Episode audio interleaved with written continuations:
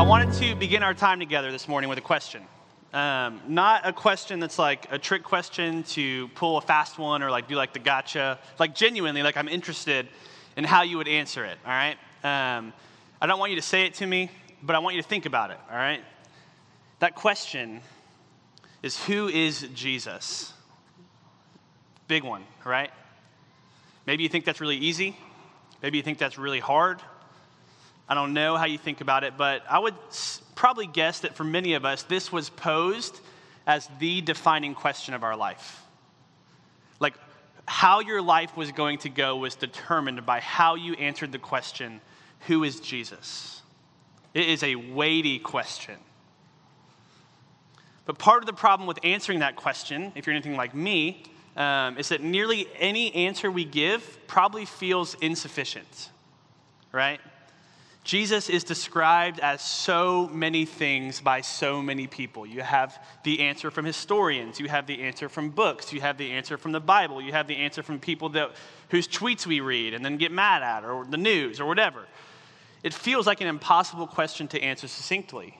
If you were here last week, um, I talked about the fact that I was in a spiritual direction session, which is basically just like guided prayer. Um, if you were at the retreat, we did some of it together.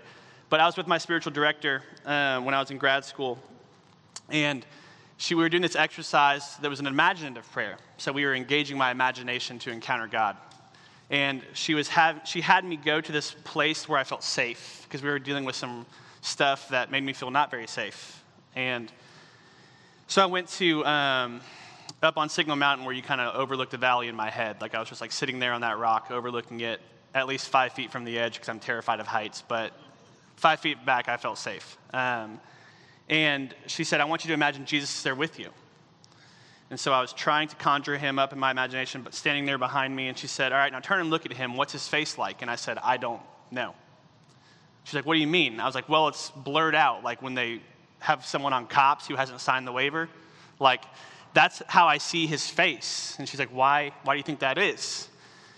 And it's because I was so terrified of envisioning Jesus with a face anything other than his actual face, of not doing it perfectly, of getting it wrong in any minute detail, that I felt more comfortable envisioning a Jesus with a blurred out face than actually trying to imagine seeing the compassion in his eyes that is described by every disciple who walked with him.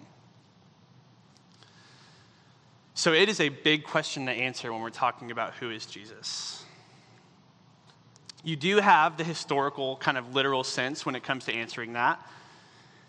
There's concrete fact that, in my opinion, is just kind of indisput- indisputable, right? Jesus was a man that lived and was seemingly born at the start of the turn of whatever we call BC AD. Does anyone know what the year zero is? Is it BC or AD or neither?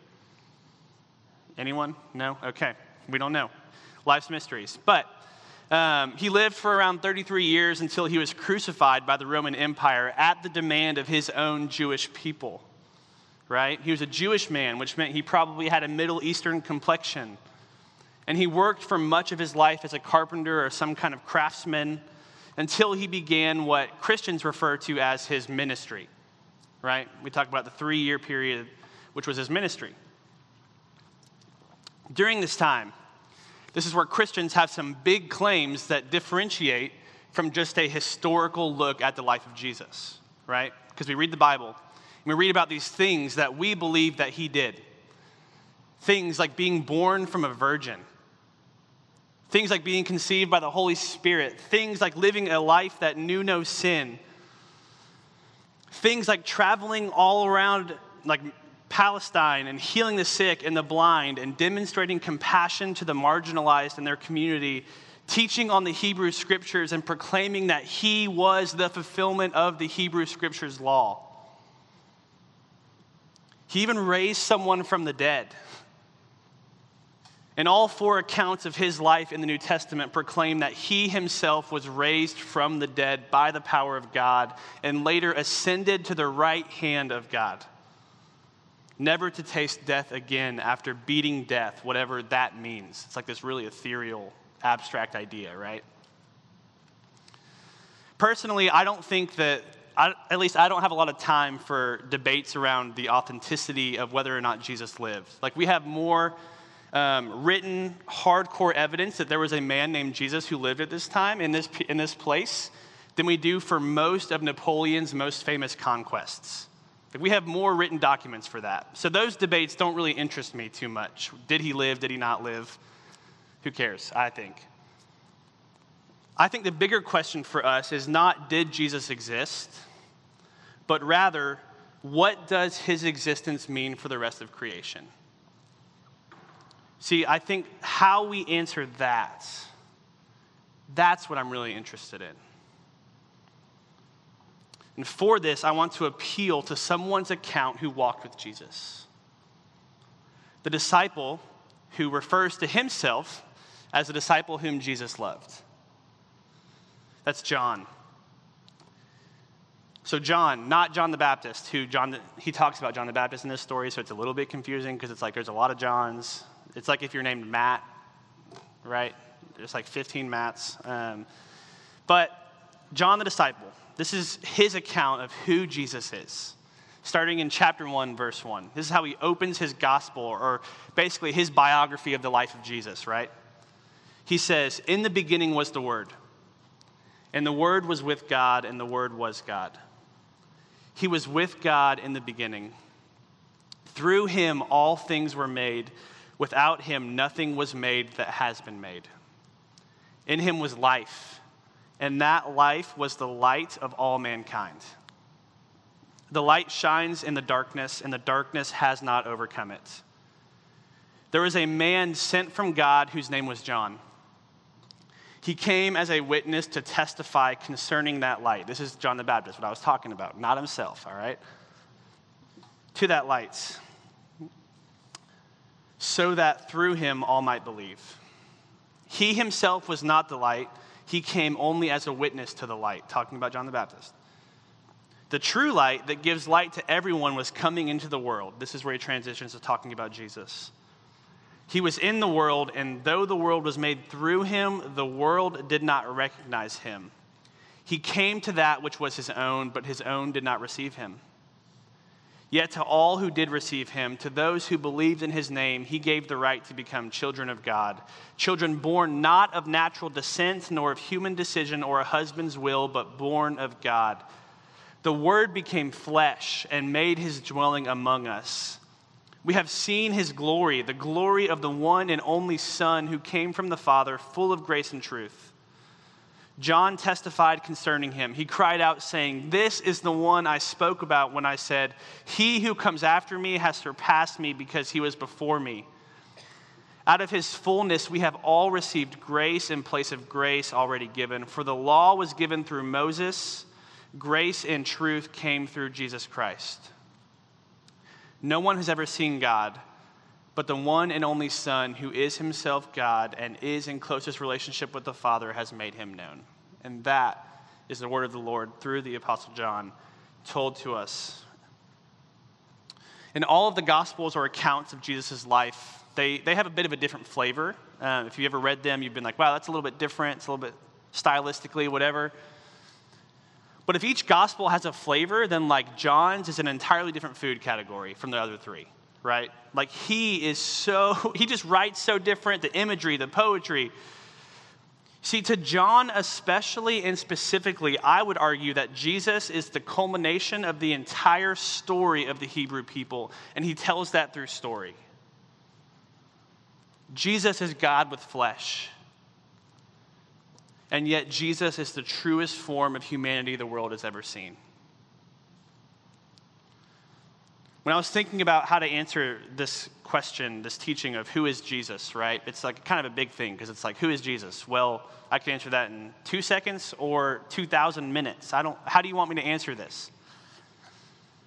And there's a lot of theological truths we could pull out of this, right? I had entire classes on what's called Christology or the study of Christ.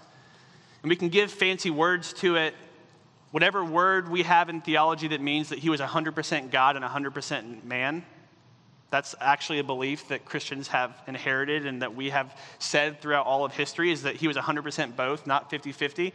I don't know how it makes sense. It just does somehow. It doesn't really make sense, but we accept it, right? Whatever theological word there is that says that through Jesus we are adopted into a new family and we can see the glory of God full of grace and truth. Whatever word talks about the sufficiency of Jesus as Lord of all. Whatever word talks about the fact that he became sin, even though he knew no sin, to be our sacrificial lamb and atone for the sin of humanity, all of these things, they're, they're useful and they're good, but I don't think anyone in here needs more theological data or cool words about Jesus.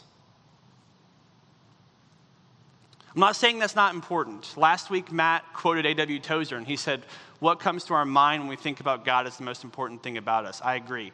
In fact, Jesus is called teacher more than anything else in all of the gospel accounts. So, what we think and what we believe is very, very important.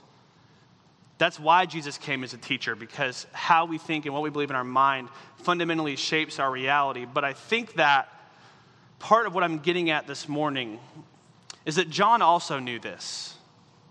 He walked with Jesus for three years, he saw him teach, he knew the importance of what we believed. And yet, John chose to teach the reality of who Jesus is through a beautifully crafted and divinely inspired story. And so I want to entertain that story. John says that to know Jesus, we need to know the story. You may be like, what, what story are you talking about? I'm talking about the story that all of us find ourselves thinking about all the time the story of how did we get here? And why things in the world seem off so often. And why we feel uneasy within ourselves so frequently, and we don't know if we can trust ourselves, and we do things we don't want to do, or we don't do things we want to do. And why the pain, sometimes it feels like it just never goes away. And why is it that we can sit at our desk at one o'clock in an air conditioned room and think, does any of this even matter? You see, John begins his gospel the same way that the author began Genesis, with the words in the beginning. But rather than telling the story that all of the Hebrew people knew and would have known, he tells that same story, but he just tells it from a different vantage point. He shifts their perspective. He turns that prism so that they see something else. Because in the beginning, in this story, was the Word. The Word, you probably know, is a reference to Jesus. And so Jesus didn't just appear or was like, he existed before the year zero. He has always been. But the Word of God, Jesus, he was the light and the life of the world, and nothing was created except through him. I want you to let that sink in. That the light of the world has existed for all of whatever we as a species can quantify as time. And not only has the light of the world existed for all of humanity and all of eternity, but unlike the story in Genesis that starts with in the beginning, this beginning is marked by the reality and the promise that the darkness has not overcome the light. This is telling the story of a new creation by using the old story of creation as a frame of reference. You see, for all the Hebrew people reading John's gospel, they were familiar with the teachings from Genesis how as humans we were overcome by the darkness and deceived, and we allowed our desires to rule over us as we ran away from God.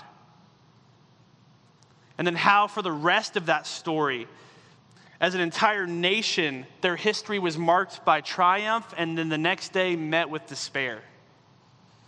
How it was marked by hope only to be taken captive or exiled. How they would celebrate only for it to end in heartbreak and crying out for God to see them in their pain.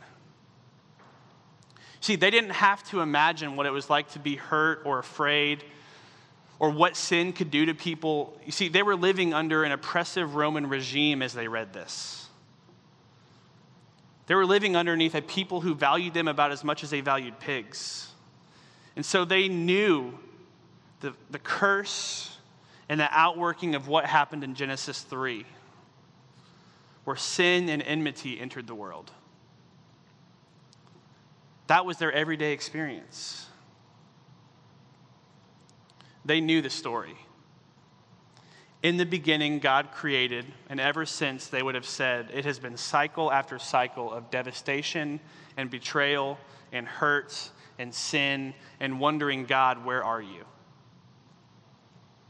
No king, judge, prophet, or anyone else in their history as a nation had set right that which had been off for as long as any human they had ever met could remember.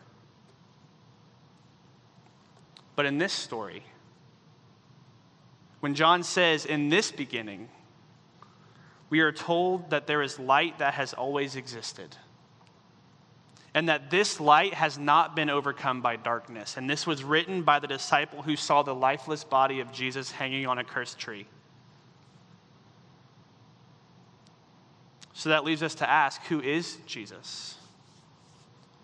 Well, there's a lot of answers that I think would be acceptable and true. Things like he's our great high priest, which he is, the Lamb of God, which he is, the Son of Man, which he is. I'm not trying to reduce it.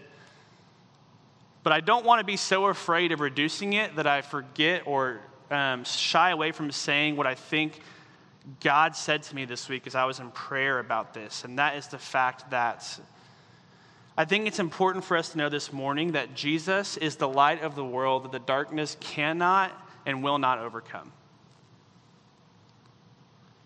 And the light of the world that is God's initiative to intentionally take on flesh and rescue us as his beloved creation from the grips of sin and death, and to restore us by providing hope and power in the forms of grace and truth again to be human.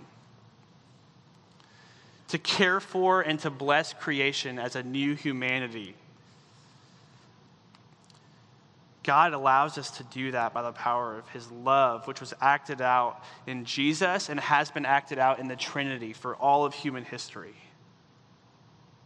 See, Jesus is our Messiah and the Lord of all that has ever been created. In the letter that we call Hebrews, it says this. It says, In the past, God spoke to our ancestors through the prophets at many times and in various ways. But in these last days, he has spoken to us by his Son, whom he appointed heir of all things, and through whom he also made the universe. The Son is the radiance of God's glory and the exact representation of his being. Do you hear that? The Son is the exact representation of God's being. He has sustained all things by his powerful word. And after he had provided purification for sins, he sat down at the right hand of the majesty in heaven.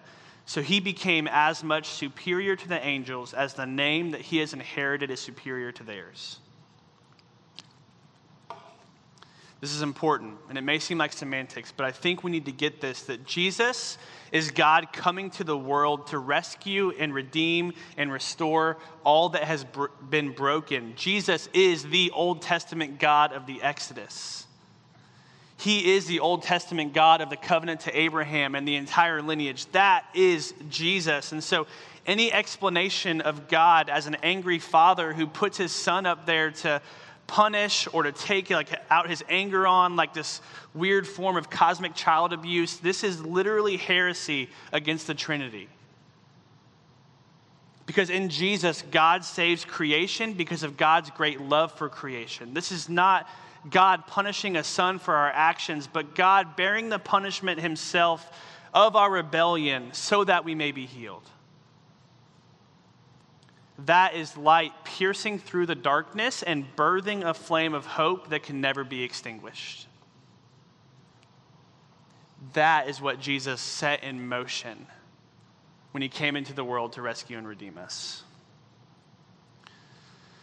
So, as I was thinking about this, there's one image of who Jesus is that sticks out in my mind more than anything else. And I wanted to share it with you this morning. Um, I'm not super artistic, but the church has a rich and beautiful tradition that we get to draw from. And so, if you got to attend our Maundy Thursday service, then this won't be new to you. But um, if you didn't, Maundy Thursday is the Thursday where the church celebrates the Last Supper in the church calendar. So it's Holy Week, it's the Thursday of Holy Week. Um, and one of the things that we do is we did a tenebrae service, which is like the service with singing and reading. And um, one of the things that we did is we would read a psalm or a passage of scripture. And each time someone read a passage of scripture, they would go up to this like candle that was on this table. There was 13 candles lit. And they would snuff one out. They didn't blow it out because they had a really cool snuffer. It was awesome. But um, they would do this and after each one, someone would, would ring a gong or like a bell from the back, all right? And um, it was amazing. Like it was dead quiet in that room, and then they would ring it. And then the next person would go up, read a passage of scripture, snuff out a candle, same thing. And so the room would gradually get darker and darker and more and more quiet. So, Matt, you can go ahead and hit the lights for me. After all of that, they continued until there was one candle lit. And it was the only candle that was lit in the room. And what they did, the person who was the last one came up, and they took this candle, and they put it under the table. And they did this to signify the fact that Jesus was preparing in the church calendar to go to the cross and to sleep in darkness for three days. And that though the hope of the world was seemingly vanquished, that though the one who was written about as the light of the world was seemingly buried in death, that the truth of John's gospel remains that Jesus is the light of the world and darkness has not overcome the lights. And so this morning, as we head to communion, I just wanted to leave you with this image for a little bit. So we're going to leave this lit for a while. If you need to pray, pray with anyone specifically, I'll, me and Matt will be at the respond banner back there to pray. But I just wanted to leave you with this to think, to reflect, and to pray over the fact that Jesus is the light of the world, and in him, darkness will not and cannot overcome it. Let's pray. Father, thank you for this morning. Jesus, I pray that you would speak to us as we reflect on the fact of like what your light means for the world, the fact that light has come into our existence, even though we didn't recognize you, Jesus. Even though you came to us to save and to heal, that Jesus, that we rejected you and demanded for you to be crucified, or we abandoned you, or we disavowed you. And yet, your great love for us, despite that, Jesus, the joy that was set before you of redeeming and healing us, Jesus, that was enough for you to endure the cross, to sleep in darkness for three days, and then to emerge victorious. So, Father, I pray that as we take communion, you administer to us. Show us who you are, Jesus. I pray this in your name. Amen.